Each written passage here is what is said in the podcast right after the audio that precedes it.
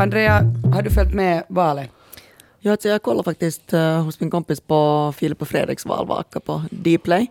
Uh, det svenska programledarpar som jag också tipsade om deras valpodd sist.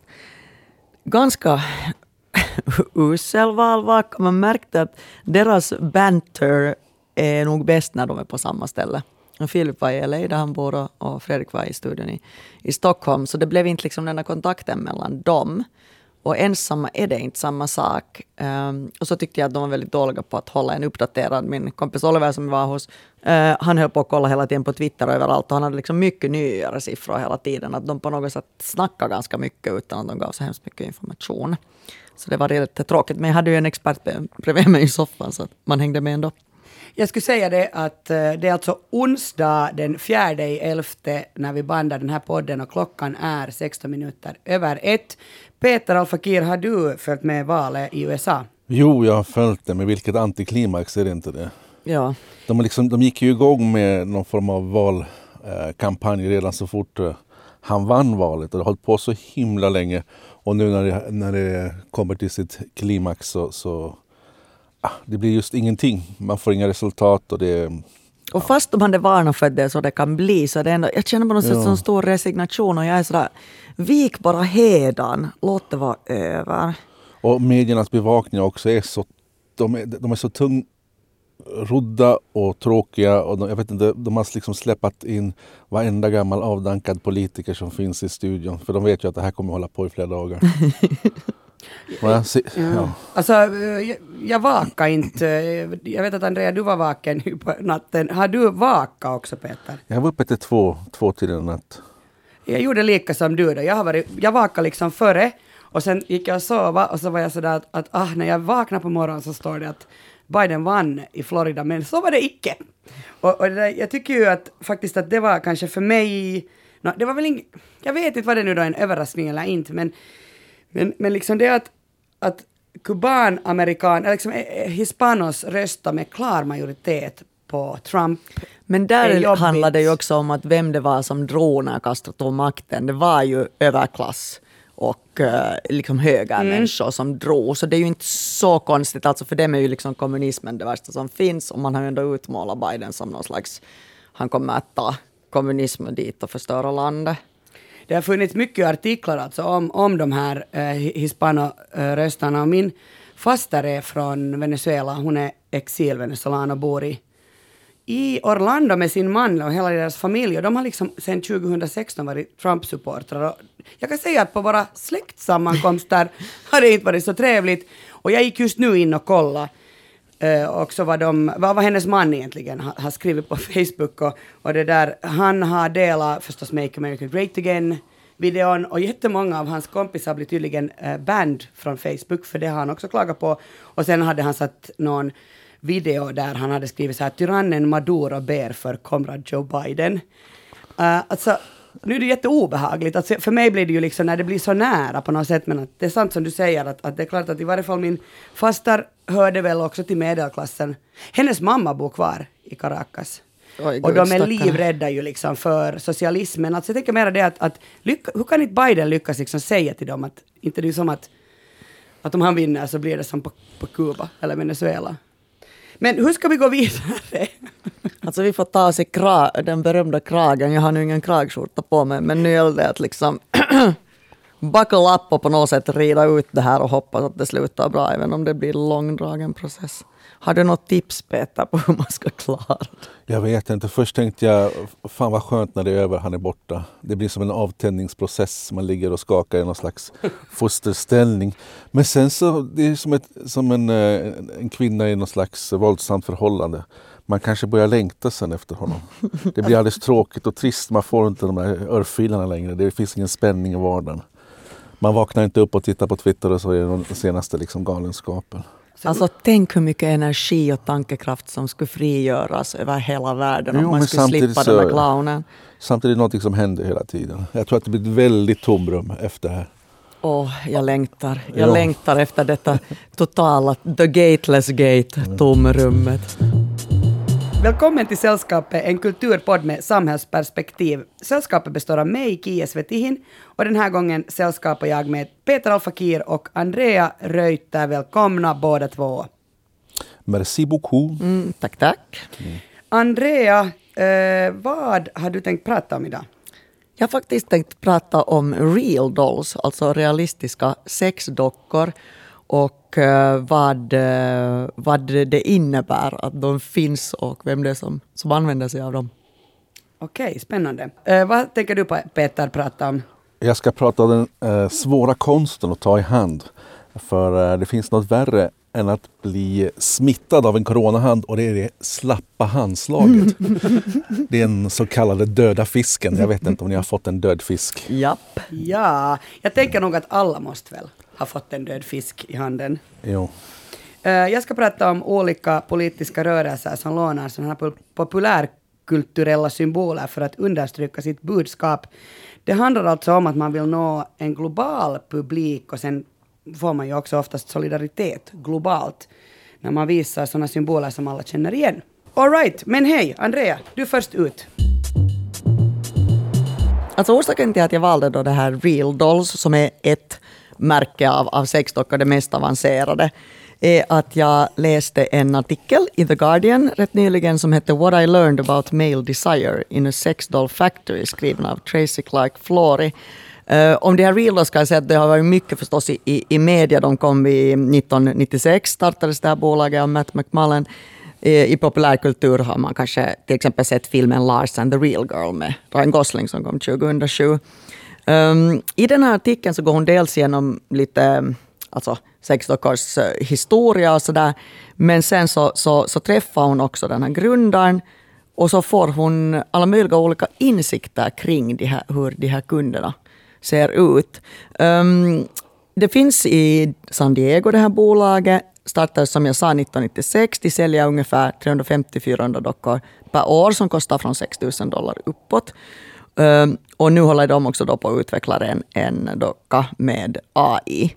Så att den, man kan kommunicera med dockan, prata med dockan. Och det som är lite spännande, eller som jag tycker är jättespännande, för det här ställer på något sätt allting på huvudet, är att dockan ska då fungera som, om, om folk kommer ihåg de här tamagotchina från, från 90-talet. Alltså man måste ge den här dockan komplimanger och vara liksom snäll och kärleksfull mot henne för att hon ska ge liksom rätt sorts respons.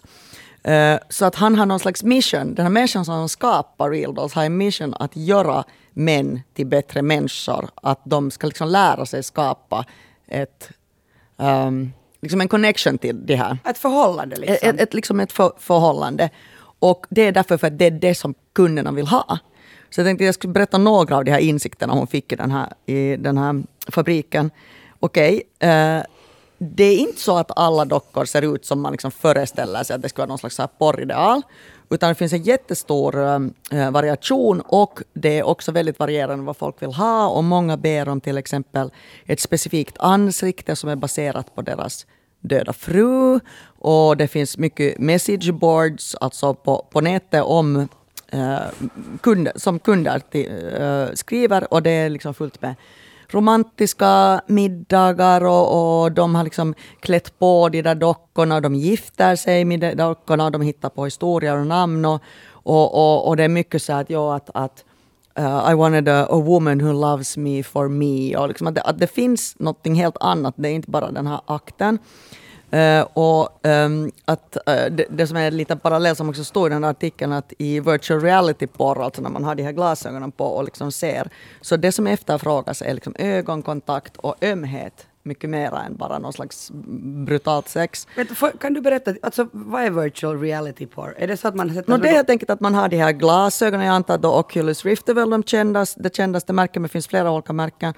Uh, så att man alltså verkligen är i betraktarens uh, sits. Så att man ser liksom ut genom ögonen på den här typen som, okay. som, som ligger där. Um, och um, det, det som hon ägnar ganska mycket tid åt, den här, här um, journalisten, är att prata om manlig lust och hur det görs väldigt mycket undersökningar kring kvinnlig lust för att man då anser att kvinnlig lust är mer komplicerad. Men det har visat sig att manlig lust är också väldigt komplicerad. Att det är inte bara så okej okay, en bild och sen kör du på. Um, och, och, att det också, det är ju jättestor skillnad mellan fantasier och att leva ut de här fantasierna. Och att till exempel då se på, på en docka som ett, ett enkelt sexuellt objekt som, som gillar sex, att det behöver inte vara liksom automatiskt misogynistiskt eller liksom kvinnofientligt, utan det kan också vara ett sätt för män att liksom möta vissa um, uppfattningar i vår, vår kultur, som till exempel att kvinnor gillar inte sex, kvinnor gillar inte att få män att njuta och, och, och kvinnor blir väldigt lätt besvikna eller sårade om en man liksom vill leva ut sina lustar, vilket gör att män är väldigt rädda. Um, och Självklart finns det ju den här aspekten att, att uh, det finns de här incels, involuntary celibates, alltså män, män som, som beskyller feminismen basically för att de inte får ligga, om man ska säga det så här enkelt. Att de har liksom förvandlat sin skam kring att bli sexuellt avspisade till ett hat mot kvinnor. Så, så det finns ju en sån aspekt givetvis, men det är inte alls så enkelt att det man kanske tror automatiskt att det ska vara. Sen så tycker jag att det som är så jättespännande är ju att det har funnits en bordell med Real Dolls i Helsingfors i Gamlas köpcentrum. Den var igång i något halvår där 2018-2019 och hade ungefär 50 till 100, 100 kungar, äh, kunder i veckan. Och det kostade liksom 100 euro per timme att hyra någon av de här dockorna. Och det var vissa intressanta aspekter, till exempel att alla dockor kom med glasögon på. För det visade sig att det var kundernas önskan. Att man ville liksom ta av de där glasögonen. Det var någon sån viktig, viktig ritual. Tyckte det var lite roligt. ja. Sen det som inte alls är roligt är att uh, de här dockorna misshandlades ganska hårt. Man kunde höra genom väggarnas, väggarnas lag. De hade inte så lång liksom, tid som de var i ett bra skick, utan de gick liksom sönder väldigt Herregud, snabbt. Så man måste byta ut dem eller? Man måste byta ut dem. Och sen att det fanns en man, mansdocka, men att de var besvikna på att han knappast användes. Um, jag läste också en artikel i huset kring den här liksom bordellen och, och, och, det finns i alla fall i Tyskland, Italien och Ryssland sådana bordeller med dockor och, och det var också ryssar som startade den här i Helsingfors. Och Eh, det som var ganska spännande var att när det öppnade i Barcelona så var diskussionen att dockorna stjäl kunder av levande prostituerade. Det var liksom den stora diskussionen där. Eh, medan här var ju diskussionen mera att, att det här är liksom så fruktansvärt och, och så vidare. Men till exempel Svenska kvinnoförbundets ordförande Anna Ljunga Nordgren sa att ja, det är klart bättre att en docka utnyttjas än en levande människa. Jag tycker det här är ett jätteintressant område så jag tänkte fråga er, vad, vad, vad, vad, tycker ni om det här med, med Real Dolls?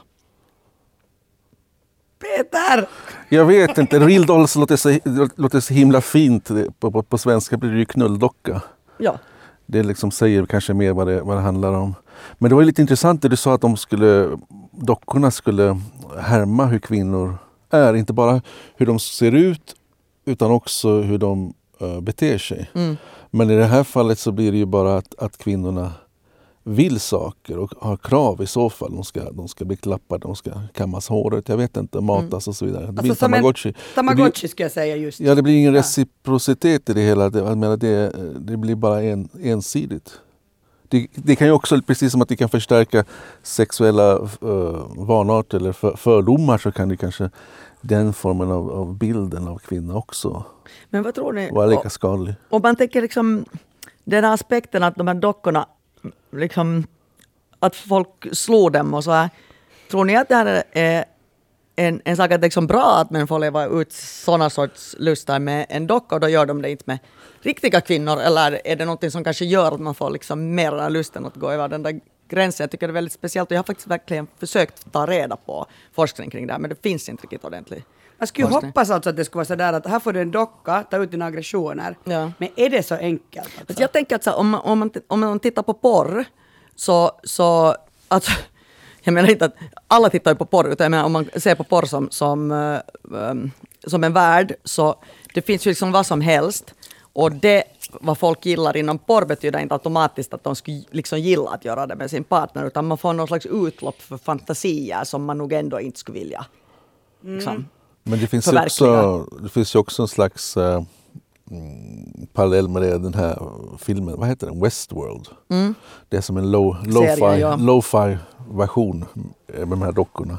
Och där handlar det ju också om att man i den här låtsasvärlden får leva ut alla sina värsta lustar. Ja. Men, men det du sa Andrea, att, alltså att de, de håller på att skapa då AI, eller Ja. finns det någon än? Eh, Det finns eh, modeller, jag, vet, inte, jag tror inte att de finns till salu ännu. Det är ganska roligt att, att min, min kompis som tidigare jobbade i Stockholm, eh, han har sett den här Matt McMullen hålla ett föredrag och visa den här dockan. Och man fick sen, eller det var faktiskt bara det här huvudet med, med munnen. Och den funkar, den funkar ganska bra. Och det var några år sedan. Så det, det är tänk- jättespännande. Jag tänker för att så det kan ju vara en, en viss faktor, alltså, uh, alltså att det blir som en tamagotchi då, att du må, du, det är inte bara ett passivt förhållande, Nej. ofta med från en, alltså att kvinnan är passiv.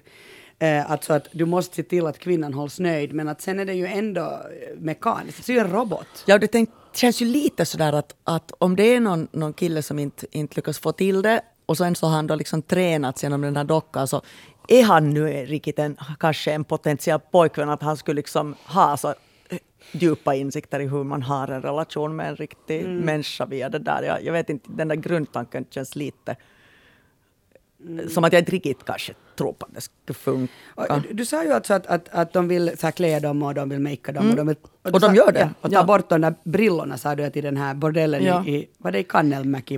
I Gavlans köpcentrum, yes. Så alltså jag tänker bara att ehm, det är ju som att de vill ju ha närhet. Mm. Eh, hur, hur skulle det vara med ett husdjur? Och nu säger jag ju inte att jag, jag vill att de ska idka tidelag, utan jag skulle ju alltså bara tänka att, att då får du ju liksom, det är ju en levande varelse som du får ta hand om. Men alltså, och så får du gå och onanera på vässan. Men alltså, vet du, så här, att jag tänker att det är ju ändå lite snedvridet att du ska ha en, dock, alltså en, en, en, alltså en docka som du ska ha närhet. Samtidigt är det sådär att alltså, om det här, mm, whatever, om, säg potentiellt då att det föder någon slags beteende som är oönskat i samhället, okej, men om det inte är så, så vem stör det vad folk håller på med? Och det är ju ingen som tar skada som har känslor eller lever, så att Alltså jag är överhuvudtaget en väldigt sexliberal människa. Jag tycker att folk får göra absolut vad som helst, bara det är konsent och bara liksom folk är vuxna. Men här behöver man ingen konsent eller någonting. Men det är ju skulle- liksom inga levande. Men skulle inte en radikal feminist eh, kunna hävda att det här är ett, eh, ett återskapande av en, eh, av en våldtäkt? Absolut, men är det inte bättre att den eh, i så fall idkas på en docka istället för på en levande kvinna? Ja, liksom. det, det beror på vem man Just- pratar just med. asking. Nej, men jag tänker också va, va, varför finns det... Man tänker att dockor är ju någonting som hör, hör till det kvinnliga, så att säga. Man drar vad som är eh, fördomar om män och kvinnor. Och sen så är det, är det män då som vill ha dockor sedan de blir vuxna. Eh, och tvärtom finns det kvinnor då som, som vill ha de här manliga dockorna. Det är ju väldigt liten del av dockan vad jag förstår. Som Men då är kanske manliga dockor för kvinnor, eller så att kvinnor liksom inte alls är lika Men då kanske det inte handlar så mycket om att leva ut eh, sin sexualitet eller öva sig på en relation utan det är mer en maktgrej. Här har man en, en, en kvinnorepresentation som man kan göra precis vad man vill med. Och även då Mm. Men är det dåligt om man inte flyttar det beteendet till riktiga kvinnor? Det finns ju hemskt många människor som är ensamma. Jag har, jag har faktiskt en kompis som är åt incel-hållet måste jag säga. Mm. Han, han berättade um, sådär apropå ingenting för flera år sedan att han, han funderar på att köpa en sån här docka. Mm. Och jag tänkte att herregud, nu har, nu har han gett upp. Mm. Verkligen allt. Det, han, han har inga framgångar bland kvinnor. Och dessutom så sökte, han- sökte han en viss sorts av, av kvinnor som inte finns. Hans ideal var liksom ganska osunda. Mm. Så att han tyckte det var en genväg att skaffa en sån här docka istället. För, eh, Men alltså om, om man har då sex med en sån här docka, är det liksom då som mas, att masturbera eller är det som att ha sex med en annan person? Ja, det är väl in the eyes of the beholder. Nu är det ju liksom Ja. lite mer avancerat än, än onani. Men det är ju ändå samma sak på det sättet. Det är ju inte som att man möter en, en människa. Nej, jag tycker det bara inte, det, orsaken till att jag tycker det här är så otroligt intressant är att det är så icke svartvitt det här ämnet. Ehm, och att det testar ens egen moral. Som jag sa, att jag är väldigt så här, sexliberal. Men, men det finns ändå en sån här gut-reaktion att man är sådär att, att oj så patetiskt och, och, och, och äckligt. Men samtidigt, alltså, inte kan jag nu heller förstå några ähm, saker som händer på laboratorium, en jättehardcore bögklubb i, i Berlin där de har smudge parties, alltså att de liksom använder äh, avföring i den sexuella akten. Inte förstår jag det heller, men de som är där vill ju göra det. Alltså, good riddance, det har ju inget med mitt liv att göra, varsågod. Så på samma sätt tänker jag att det finns den aspekten att inte stör det mig. Och varför skulle det störa mig? Det är inte min sak att hålla på och fördöma vad, vad folk håller på med. Men det är bara det att vad går det sen då att det liksom ja. spiller ut i ens beteende. Och kanske inte bara ens i det sexuella beteendet utan bara någon slags allmänt beteende hur man ser på andra människor, i det här fallet då specifikt kvinnor. Och det är ju den ultimata objektifieringen att det är liksom en docka på något sätt. Uh, fanns det inte sån här film med Joaquin Phoenix, som, no, Her, hette den så? Ja. Men var det... Och, Nej, han var ju kär i sitt uh, operativsystem. Och det var ett operativsystem? Det var bara en röst, ja. Jag försöker så, hitta olika lösningar som man skulle kunna, men inte vet jag varför jag vill gå runt det här, men jag tänker liksom att, att det är jätteobehagligt att det där äh, bordellen Alltså jag tycker på riktigt att det är jätteobehagligt. Bordellen med de här plastdockorna, nej vad heter real dolls, mm. alltså att de var så misshandlade ja. att man liksom måste typ så här köpa nya. Mm. För alltså, jag tycker jag läste för några månader sedan om, om att det liksom i Sverige har, var det var en så här debatt om att många unga flickor kommer till gynekologen och, och mm. har liksom skador i underlivet för att mm. sexet med, med flickans uh, pojkvän alltså, är så HC. Jag är ju också då liksom pro-porr, men det är ju de facto liksom att det finns väldigt mycket våldsam porr och det är väldigt många som är porrskadade, både tjejer och killar. Jag är så glad att jag inte ung nu. Mm. Och det är liksom sådär att de vet inte riktigt vad, de vet ju inte vad de håller på med och tänker inte heller på konsekvenser. Det är ju inte så att de kanske medvetet alls vill skada någon, utan det är så det ska gå till på något sätt. Uh, men det är nästan en, en, ja det är ju en parallell diskussion, men den, ja, den, den behöver nästan ett eget ämne. Den behöver ett eget ämne, men jag tänker liksom att, att faktiskt så tycker jag att, att problem, det problematiska är att när som vi ju har konstaterat många gånger. Man vet inte vad det här leder till. Mm. Att för min del så skulle de hellre, tycker jag, då ha ett, ett operativsystem de är kära i som har den där intelligensen. Och sen uh, gå och nera och sen har de en hund. Men sen när AI-versionen är, är, är, helt klar och funkar jättebra, då kan man ju få allt ju. Ja. ja. ja. Skulle ni kunna tänka er att testa? En sån där real doll. Peter, du får se sådär. Jag vet inte, det känns, det känns liksom som att man, man ligger och torrjuckar med någonting. Man kan lika gärna, ja, nej det, det är ingenting för mig det där. Mm. Jag tror inte det. Jag vet inte. Och sen, sen, sen vakna upp dagen efter då. Ska, Ångest. Ja, ångesten rider en. Vem, vem är det som ligger bredvid mig? Oj, är det du? Det är du igen! Du igen! Jag sa ju åt dig. Jag sa ju åt dig. Och det är bra nivå av morkis som man säger i svensk film. Ja. Ja. Ja. ja, och sen, och sen liksom hela efterproceduren. Man sådär, nu ska jag gå och liksom torka ur den här. Ja. Nej men det är bara, nej det blir bara sorgligt. Nej, jag, alltså jag måste säga också att jag, nej jag, jag skulle inte vara så intresserad, jag, jag faktiskt inte. Jag tänker mer sådär, I'll try everything once. Det är ju jävligt sjukt, men nu har man ju gjort sjuka grejer och är intresserad av att göra sjuka grejer annars också. Det är ju inte liksom, vem ska det skada? Det är som att testa virtual reality, testa liksom allting en gång och så får man säga att okej, okay, det här var liksom inte för mig. Men det är ju inte som att man ska sätta kanske 6 000 dollar uppåt. Nej, vi får hoppas att det där bordellen i gamla öppnar igen, för var det inte så att den är nu stängd? No, jag har i alla fall inte lyckats hitta, de, de stängde ner hela köpcentret jag, jag kan säga att jag är helt så hoppas det inte nu börjar komma några konstiga reklamer på min, min Facebook, när, det jag höll på att googla där när jag researchade helt säkert. helt korsa. Min telefon är här bredvid mig, den har säkert snappat upp precis allt, snart ringer de och säljer åt mig en sexdocka. Harry Potter, Handmaid's Tale, Joker, Hunger Games, alla har en sak gemensamt, det är populärkulturella berättelser, men de har också idag fått en helt ny betydelse. De är symboler för folkprotester världen över.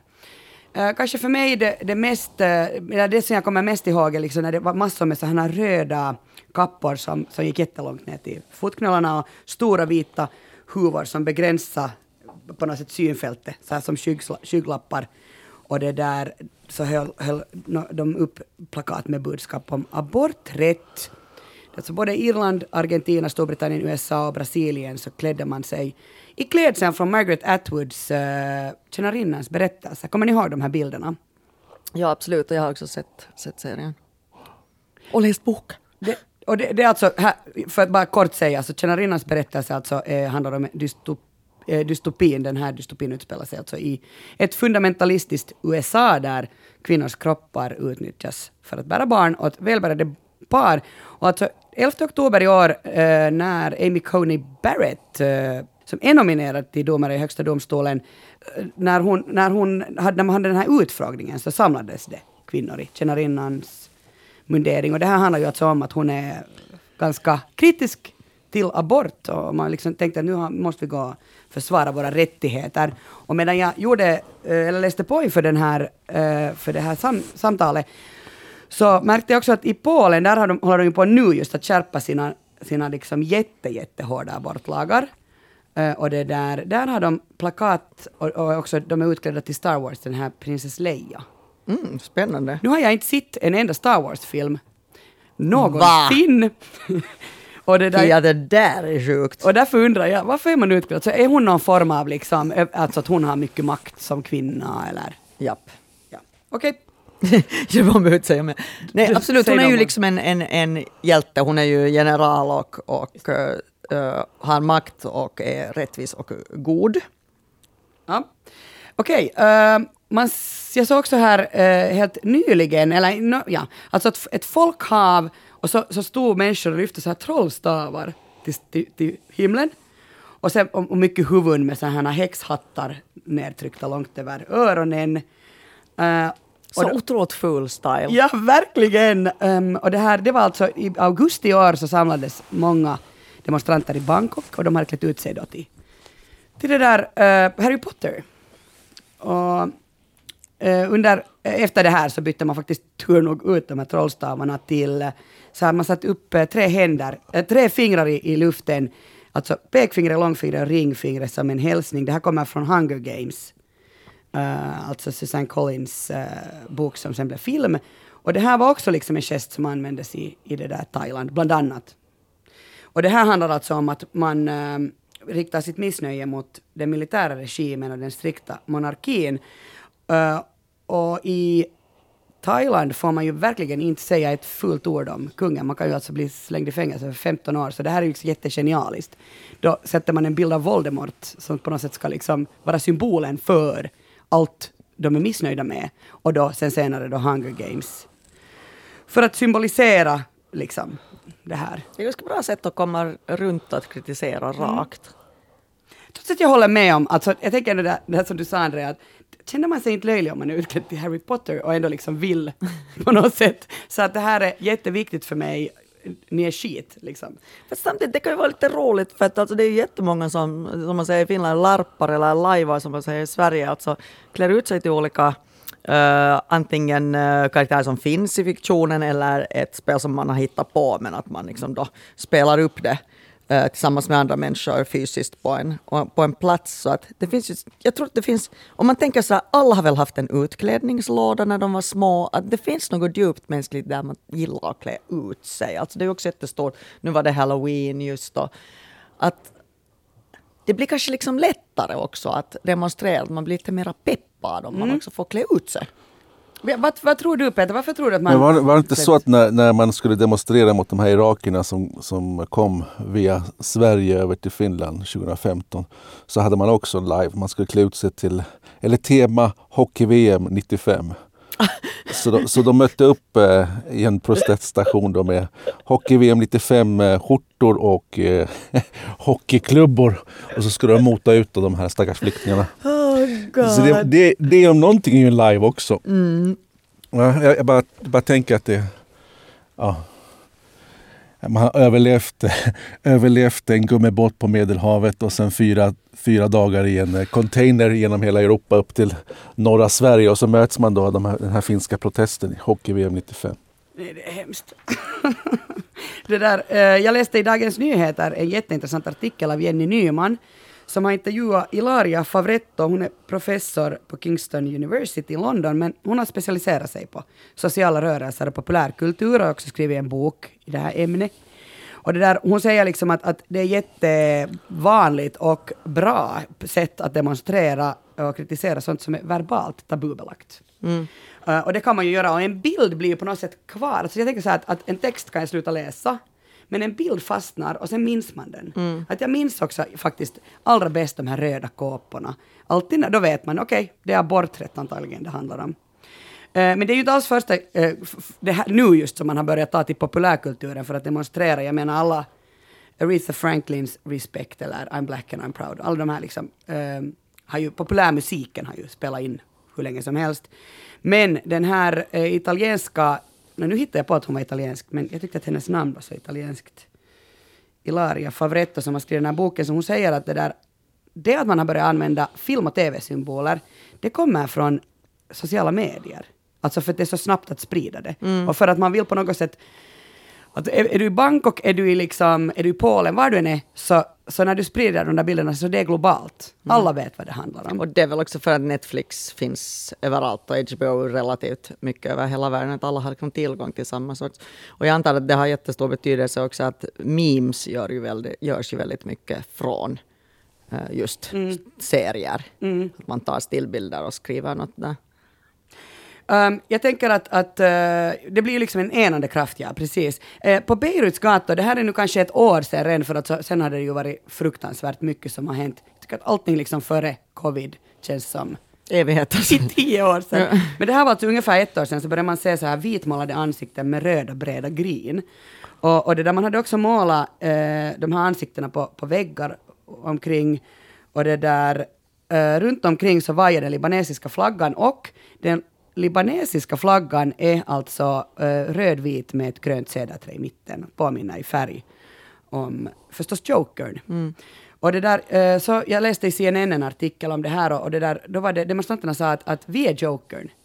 Och, och vi är clownerna i den här, i, i den här soppan.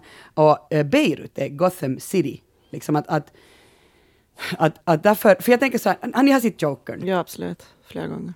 Har du Peter sett den? Jo, det har jag gjort. Att jag tänker, han är ju liksom ändå ganska, ja men han är en underdog, eh, och det är det de vill kanske säga. Men alltså ja, annars fast är han han ju kanske inte någon hemskt god. Nej, det är det jag liksom. tänker då. Att tänk att man liksom vill vara jokern när Mm. man demonstrerar. Men jag tänker att, att just det för att de säger att Jag vet han är- inte, kan det vara på något sätt kopplat till det här liksom, the trickster?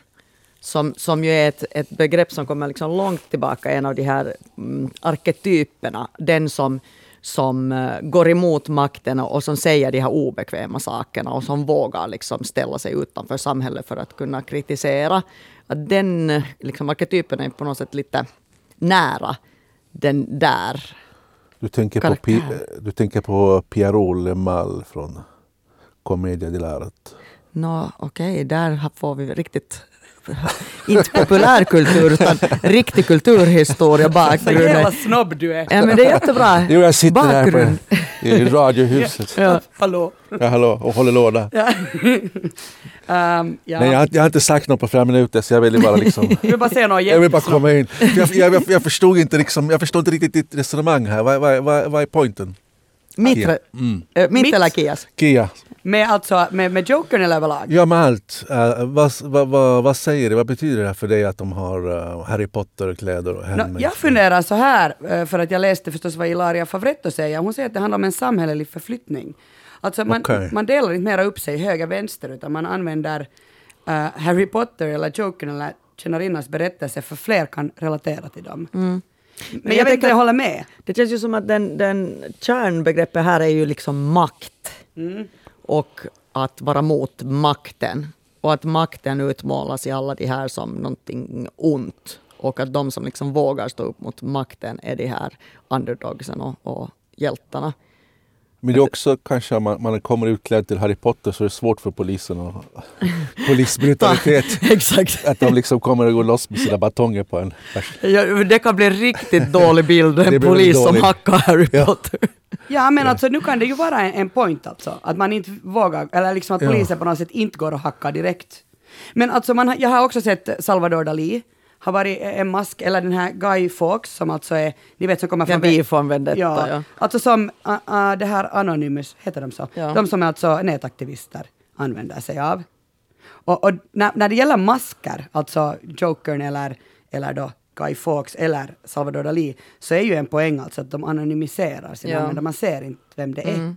Eller som vi som använder nu för tiden, eller hela världen som använder ansiktsmask nu för Mm. tiden. Eh, Eh, så jag har faktiskt svårt att känna igen folk och jag tycker det är så skönt, så jag behöver aldrig hälsa på någon. men, men okej, Uh, Pepe the Frog, uh, för att tänk, tala om Trump uh, en dag som denna. Uh, han, uh, Pepe the Frog, uh, alltså gjorde offentlighet, kom in i offentligheten 2005, Matt Furys serie Boys Club. Det är alltså en grön groda med en människoliknande kropp. Och efter det har Pepe the Frog gjort viral succé på internet. Och man har liksom, sen har den så förflyttats till att bli en alt-right-symbol. Eh, och Donald Trump eh, gjorde en helt medveten blinkning till alternativa högern när han alltså själv twittrade ut en bild av sig själv som Pepe the Frog. Uh, och det här är ju liksom jätteobehagligt att man använder de här symbolerna. Man försökte också ta tillbaka Pepe the Frog, eh, men, men har inte lyckats. Och till slut så tog den där Fury, alltså han som har skapat den, så han tog livet av Pepe the Frog för att han, fick liksom, han kunde inte reclaima den. Mm. Men jag tänker samma, jag läste en sjukt intressant artikel i Dagens Nyheter på söndagen om Proud Boys. Och han, han no, läste någon av er den? Var det den jo. där de snackade om att de har bra style? Ja.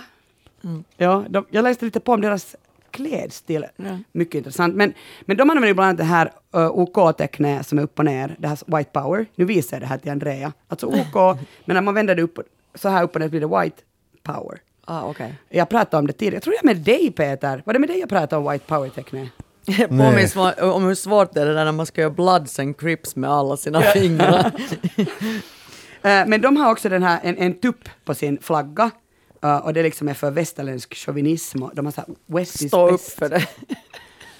oh, no, ja. oh, Men God. inte det är ju alltid så att alla de här symbolerna är, uh, är, är liksom kommer rakt från TV. Uh, kommer ni ihåg, ja det kommer ni väl, Colin Kaepernick som spelar i National Football League? Jo, han quarterbacken som ställde sig på knä. Mm. Ja, 2016 så blev han sittande och sen liksom eh, någon match senare gick han knä, ner på... Knäböjande. Ja, han blev först satt han bara, sen, okay. blev han, sen gick han ner på knä. Och då så sa den brittiska utrikesministern Dominic Raab, ah, det är från Game of Thrones, så vitsiga han är dajo för att eh, det här är ju ett tecken på underordning. Och det blev jättestor eh, grej av det, för det var inte alls ju från från det där Game of Thrones man hade tagit det där, utan det är ju jättegammalt. Uh, gammal gest för, för rasistiskt förtryck. Och, Men visst hade han den, den knutna näven? Och nu hade alltså Black För det är ju liksom Lives, ja. originalsymbolen, det är ju också loggan ja. på, på belen. Men de knäa, ja, jag tycker också när jag tittar på valet igår, det var några demonstranter som men är inte hela grejen där med den gesten också det att vägra stå när det är nationalsången som spelas? Att det är det som är liksom det riktigt radikala. Ja, det, ble, det blev i varje fall Donald Trump jättesur ja. på. Var sådär att, få till ett annat land. Men, uh, men Colin Kaepernick, han gjorde kanske liksom det här och ville ju, alltså han ville ju, han är ju en, en, en aktivist som ville liksom, idag är han sannerligen en aktivist, för att efter att han gjorde det här 2016 så har han inte fått jobb. Han har liksom, uh, ingen anställer honom mera efter att han vågar gå emot etablissemanget på något sätt. Ehm, men jag läste eh, en intervju med honom och eh, hans, eh, han ska ge ut förstås en memoar, sina egna memoarer. Och hans liv ska också bli dramaserie på Netflix. Det är Selma, regissören, som ska göra film. Ja. Eller, eller serie av honom. Det är ju uh, intressant. Jag tänker, det här är nu helt lösryckt, eller liksom helt hemskt. Jag vet inte jag vet inte ens om man kan alltså, dra några paralleller, men jag tycker det är jätteobehagligt hur George Floyd äh, dog. Äh, eftersom polismannen satt med knä, alltså han hade i princip samma gest, inte ju som en symbol, men alltså han satt ju och pressade sitt knä äh, till, till så länge på George Floyd sa att han dog. Alltså han satt med, med knä över, över hans hals i över åtta minuter. Men, men ja, symboler. Eh, jag vet inte. Uh, jag tycker å andra sidan att det, det är liksom för mig helt fint att man vill använda sig av, av, av, symboler för att det blir den där igenkänningen. Mm. Jag tycker att, att det nog är, är liksom en, eller det, det är så här ser det ut idag.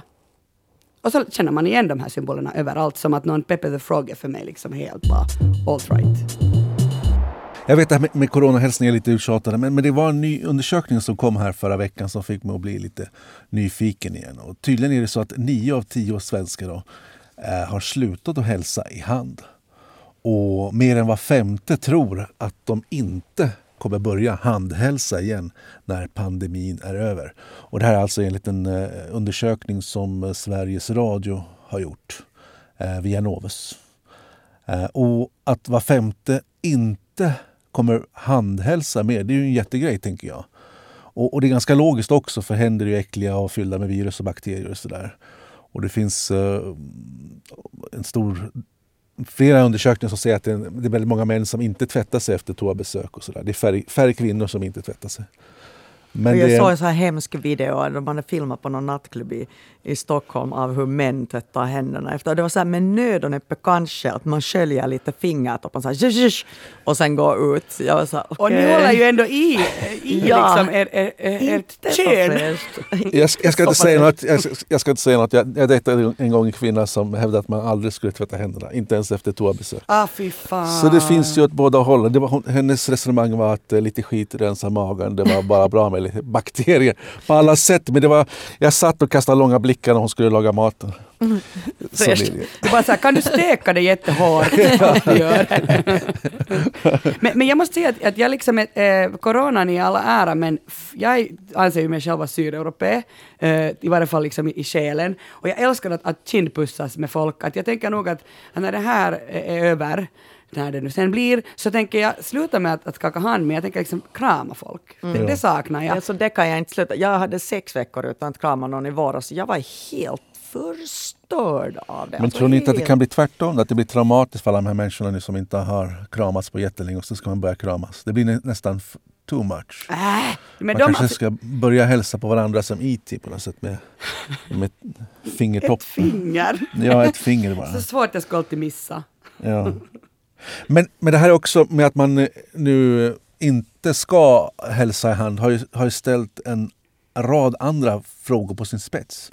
För handhälsning är en så stark del av vår kultur, heter det. Och vi har alltid hälsat i hand och en handskakning har vet också... du hur långt tillbaka det, tillbaka det går? Ja, man, man vet inte riktigt. Det. Eftersom det här har med, med eh, sociala beteenden att göra så är det inte så belagt, i alla fall inte här uppe i Norden. Man, man vet inte om vikingarna hälsade vid hand men det finns däremot källmaterial från antiken med över 2400 år gamla begravningsmonument.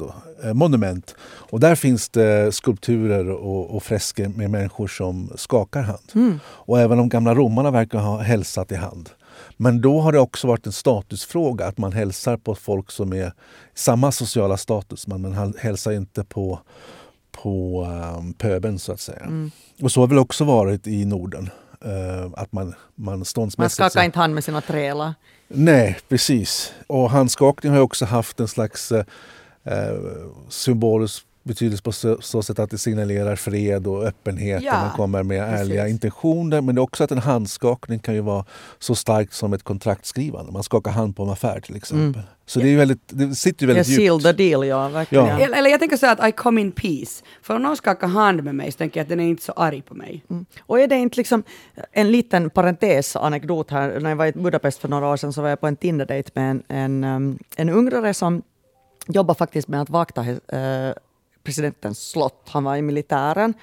Och då när vi kom ut från, från den här baren där vi hade träffats så sprang han runt mig så att han hamnade på min vänstra sida. Och så frågade jag att, att, att vad var det där? Så han, jo, att när man går bredvid en dam så måste man gå på vänstra sidan för att man ska alltid kunna vara beredd att dra sin värja som högerhänt. Ah, och du får inte stå i vägen för den? Ja, Men, då ska han ju inte slicea mig liksom. nej, nej. Uh, så det hade han, ju... nu, nu är den naturliga frågan då, hade han sin värja med sig på dejten? Tyvärr icke icke. Alltså ja, besvikelsen var enorm. Ja, man är med Nej, men det, det, jag tyckte det var lite roligt. På dejt, man behöver komma med en karolinsk Exakt, snacka om lajvande. Ja. Nej, men eh, allting bygger ju förstås på att man, man utgår från att folk är högerhänta, men majoriteten är ju högerhänta. Men att där är liksom lite samma sak, just det att man visar sin högra hand att jag har inte ett vapen i den. Det måste ja. ju vara liksom det det kommer på något sätt från, från början, att man ger den öppna handflatan. Det här är ett tandtagande. Men att, Nej, det måste ju vara så. Ja. Vad smart. Och det är ju samma liksom, liten parallell i det här också med skålande. Att då enligt, I alla fall enligt myten, jag vet inte om det här är helt sant, men att, att, att orsaken till att man, man skålar är att man egentligen då klinkar sina glas så starkt mot varann att det eh, spillde lite av drycken över till den andra och att det skulle då liksom visa att man inte har förgiftat den andras dryck. Ja, och, och nu när man hälsar så spiller man ju över lite av sina Sina, virus. sina, bakterier. virus. Ja, sina bakterier på den andra. För, för, jag måste bara säga ett, ett inlägg till det där. Jag, jag, någon sa till mig att, att Kia, att sen när du träffar mina vänner, att de är så fina, så kom ihåg att du ska sen inte, liksom glasen ska inte röra varandra. Att sen när man, när man är med de fina folket, ska det inte klinga. så ska det inte klinga. Är Fast, det så? no, jag inte vet jag. Alltså, jag, jag har precis... Det är så jag har typiskt precis- finlandssvenska alltså, att komma in på I skålande. beg, to di- I beg to differ för att Snart jag är vi har, inne på snapsvisor. jag har nämligen äntligen nu, min pappa flyttat till en mindre lägenhet, så jag har äntligen fått min ehm, farmors fars kristallglas från, från, från Viborg. Och jag har haft mycket anledning att dricka champagne de senaste månaderna, det har gått så bra för, för, för Tove på, på bio. Så då är det ju viktigt att klinga för att man ska höra den här kristallklingen. Just det, så det, det är då man har Så att jag tänker kristallglas. att finast och fulast, då klingar man. Och Okej. däremellan, där man vill vara fin, där klingar man inte. All right, det det är är mitt tandtagande som sagt. Jag har ett kristallglas, jag ska alltså icke klinga. Ja, men vad händer om man inte klingar då? Och vad händer om man inte vill ta i hand? Eh, och det är det som är eh, kruxet här med att eh, det har varit på tapeten med muslimer som eh, då säger att de inte vill ta det andra könet i hand på grund av sin eh, religion. Ja, det var ju några skandaler i Sverige kring Det är många skandaler. Ja. Det var en, ja. polit, en miljöpartistisk politiker som inte ville ta någon reporter i hand. Och det var också någon eh, kvinna som hade varit på en eh, jobbintervju och sen inte ville skaka hand och då fick inte jobbet. Och hon fick jättemycket i skadestånd. Jag minns inte hur mycket det var, men, det var en rejäl summa pengar. Och det där blev också nyheter internationellt då. Eh, och sen så kom um, alla partiledarna som gick ut och sa att i Sverige så skakar vi hand och det sa Stefan Löfven också. Att uh, i Sverige så, så finns det en, en jämlikhet och man tar kvinnor i hand. Och man kan undra också varför man blir så arg över det här när, folk inte vill eh, skaka hand. Det, det är ju också ett sätt att visa på vi och dem. Men det är ju åt båda hållen. I Sverige säger vi att vi skakar hand och muslimerna då, de, de, den grupp som inte vill göra det, visar på sitt sätt att det här tabut särskiljer dem från andra kulturer. Men det är också ett sätt att utnyttja eftersom det är så synligt och det sitter så djupt hos oss att man, att man särskiljer. Så det är flera länder som har tagit upp det här som ett krav på att få medborgarskap. Bland annat i, i Tyskland och Schweiz har det varit fall där de som har gjort de här medborgarskapstesten sen inte velat skaka hand och då inte fått sin medborgarskap. Och i Så Danmark, spännande. ja, i Danmark så har man infört en, ett krav på handskakning för att få medborgarskap. Och det låter ju totalt populistiskt. Det låter jättedanskt tycker Jo. jag. Och det är precis likadant då kan man säga att det kravet är borttaget nu. Under corona. Ja, Um, ja, ja förstås. Ja, och då undrar man om man nu kan ta bort det kravet på grund av smittorisken. Hur mycket värt var det egentligen? Och varför var det så viktigt? Varför är det så viktigt att, att man ska hälsa? Det väl symbolik. 100% symbolik. Men, Ja. men, men är det så farligt? Alltså jag tycker liksom det är ju? Det är lite sådär som, okej jag drar inga paralleller här nu, men Andrea du pratade om de här real dolls, att låt dem göra hur de vill. Så kan man nu inte bara vara helt sådär, ni behöver inte skaka hand, det är liksom inte hela världen. Det är helt fint att, att liksom nicka. Jag menar om, om det på riktigt är en religiös uh, övertygelse som säger att jag ska inte skaka hand med den där kvinnan, eller den där kvinnan ska inte skaka hand med den där mannen, kan de inte bara få vara? Ja, eller så, tyck- eller så tycker man att eh, det här är en tydlig markering att eh, så här gör vi i Europa, så här gör vi i Sverige och Finland. Om man inte kan eh, gå med på den här lilla överenskommelsen så kanske man inte ska vara mm, finsk medborgare. Ja, och så kom coronan. Och så kom coronan och så, så visade det sig att det, var, det, det satt inte så djupt ändå det här med handskakning. För, för är det inte lite samma med liksom, eh, jag vet inte hur mycket debatt har vi nu haft eh, om det här med att inte man fick ha slöja om man typ jobbar i, i någon uh, matbutikskassa så skulle man helst inte ha slöja. Och sen, nu går ju alla med ansiktet täckt och det är helt okej. Ja. Alltså det är lite samma den där att nej, inte var det sen så farligt. Alltså jag tycker att, att vi västerlänningar kanske kunde vara lite att mera... hälsa går väl framför allt. Jag vet inte, hur skulle ni själva, om ni, ni själva skulle hälsa på någon som, eller någon, någon, det kommer fram och ska hälsa på en gubbe så säger han nej jag tar inte kvinnor i hand. Vad, hur skulle det kännas? Jag tycker med, med, med bakgrunden, alltså att jag vet att det, alltså att det har funnits en sån här debatt i Sverige, till exempel helt nyligen, så skulle jag antagligen nog försöka vara så, en stor människa och tycka att det är helt fine. Att du Ja. behöver inte, du behöver, du får alltså du vill. Huvudsaken för mig faktiskt är att, att den här människan ser mig. Sen om han skaka jag, jag tänkte på det när ni sa om de här finnarna. eh, i Cannes. Jag, jag känner mig lite, lite grann på samma sätt när jag var i Syrien och reste runt där. Det är hemskt länge sedan nu. Det var väl 14 år sedan. Men då var det också samma sak. Man visste aldrig om den här kvinnan i Huckle då, om hon hälsade i hand eller inte. Så man, man, det, var, det var som en slags halvhälsning, mm. en liten slapp hand och så avvaktar man och får se. För det, det, det gick inte att, att, att, se om hon hade hijab, alltså den här slöjan. Hon kunde lika väl hälsa i hand som inte alls. Mm. Men det är eh, jättesvårt att, det, det är jättesvårt, när man inte vet. Det jo. Och, och, det är den, och det är den osäkerhet som, som jag tror också och, folk inte tycker om. Och, och, det är väl det som är hela med liksom vett och etikettexperter och så vidare. Uh, jag, jag, är stor fan förstås av, av Magdalena Ribbing uh, som, som var väldigt tongivande där i Sverige. Och det hon alltid brukar säga var att de här reglerna finns ju för att folk ska veta vad som gäller och så att man ska kunna vara avslappnad. Alltså inte för att styra och att dominera och, och ni måste, utan för att man ska liksom veta vad som gäller och då kan man vara mindre osäker. Att det är egentligen det det handlar om. Inte att det ska skilja vem som är fin och väluppfostrad utan bara att man inte ska behöva känna sig osäker i situationen. Att hur gör man? Hur ska man göra nu? Jo, men jag tror också det är därför hon var så omåttligt populär i Sverige. Mm. Hon hade ju bara en, vanlig kolumn och sen så växte hon ju upp till att bli ett fenomen. På tal om, äh, på, äh, om äh, den här liksom, etikettsprofeten. Jag har faktiskt plockat ut ett litet klipp vad hon anser och hur man ska hälsa och inte hälsa. Jag tycker inte att handslaget är heligt. Det är inte eh, entydigt så enkelt så att man kan säga jag håller fram handen och du ska göra som jag säger. Det är inte så lätt. Men vad är det som är, vad är viktigast? Gamla vanliga traditioner som inte är religiösa eller, relif, eller religion? Går alltid religion först? Ja, man måste ha stor respekt för eh, religiösa och kulturella yttringar därför att de är så viktiga för många människor. Och samtidigt tycker jag att bor man i Sverige, har vuxit upp i Sverige, så varför inte försöka anpassa sig till detta? Ja, hon är, ja. Ju, alltså, hon är ju nog skön. Det är skönt att, att hon säger så. Man ska göra. Gör så här. Det är jätteskönt att höra ja, när man inte vet. Så kan man liksom ringa henne och, och bara fråga. Fast hon sa ju å ena sidan och å andra ja. sidan. Jo, hon, hon gav sa, båda. Ja, hon gav båda här. Men jag tror också att det kanske är båda som funkar.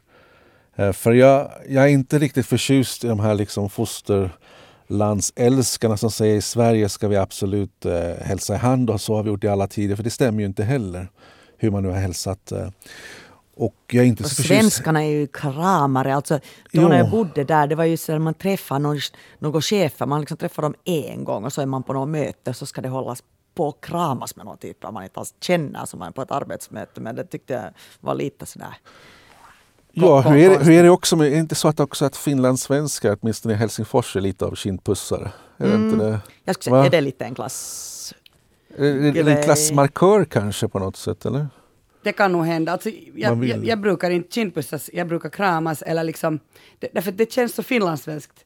Uh, jag, säger, jag sa ju tidigare att jag är som en sydeuropé, så jag älskar liksom att vara i Spanien och kramas och pussas. Men nej, jag gör inte det faktiskt här, därför att för mig blir det just en klassfråga. Mm. För så gör bara fil, liksom, rika finlandssvenskar. Men det här är ju en, en fördom. det beror på också vad man är på eh, för tillfälle. Att om det nu är majoriteten en viss, viss style så, så drar man liksom den. Mm. Ja, och dessutom så det här med att, att muslimer inte hälsar hand är också helt bogus. Det funkar inte så hos majoriteten, eller de som jag känner.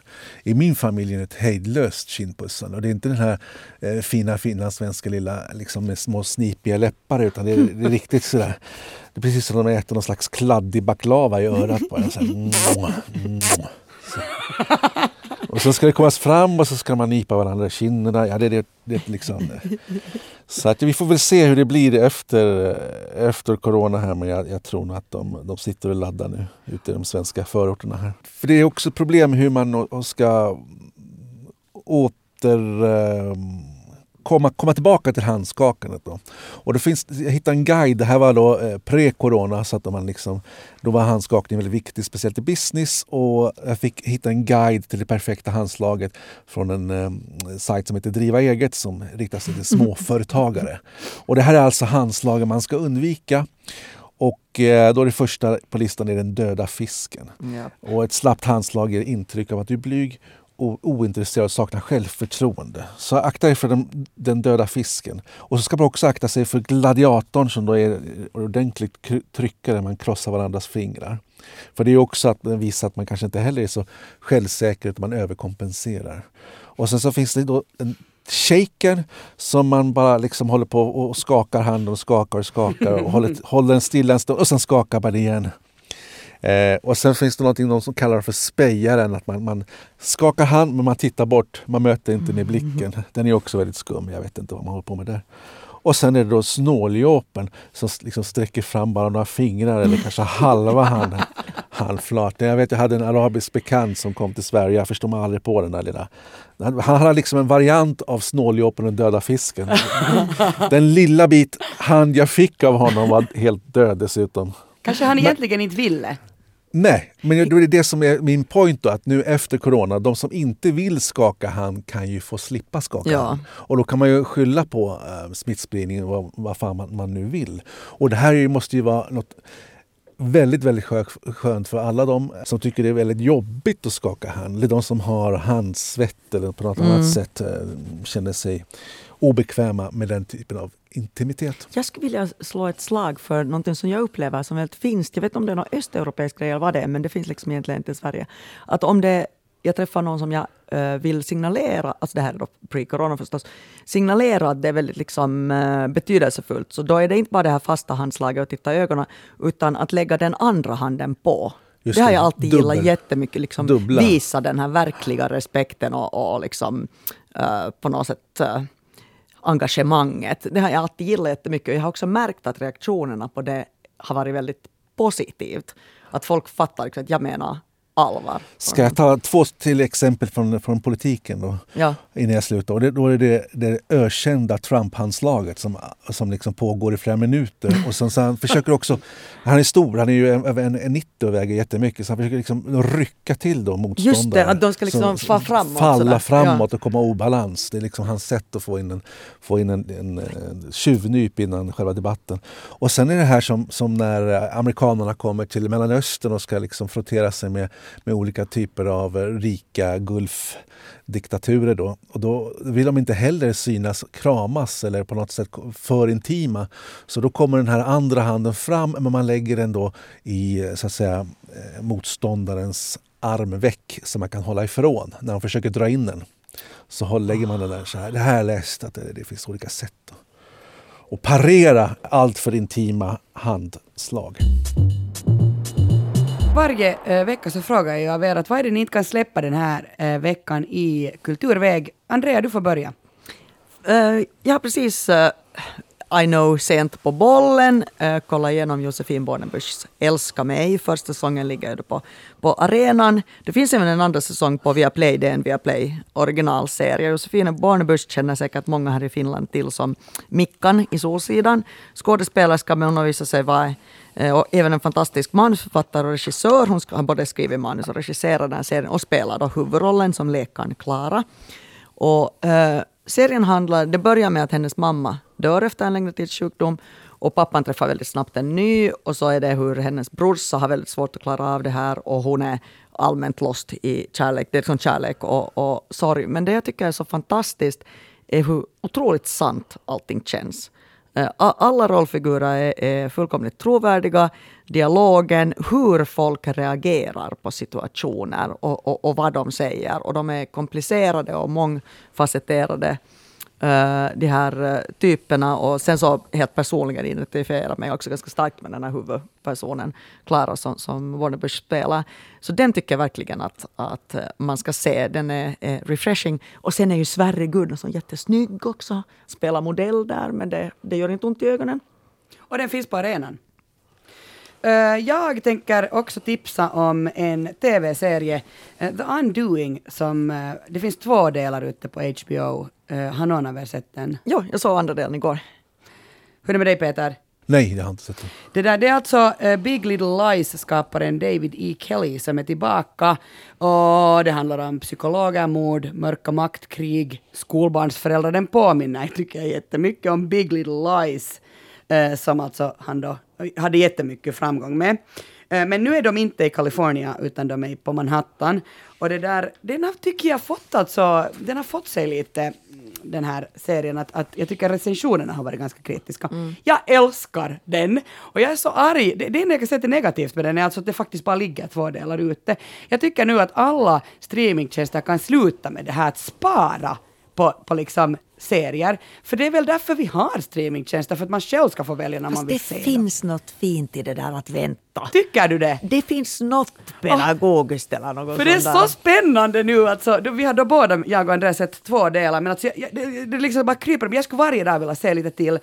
Eh, Hugh Grant och Nicole Kidman spelar alltså det här perfekta Och paret. jag skulle gärna vilja tillägga att det är alltså den danska regissören Susanne Bier som har regisserat och hon är en av mina absoluta all time regissörer. Var det hon som regisserade Borgen? Uh, nej, jag vet kanske något avsnitt, men alltså framförallt är hon väl känd för Älska mig för evigt, ehm, vad heter den där, uh, Bröder, etc.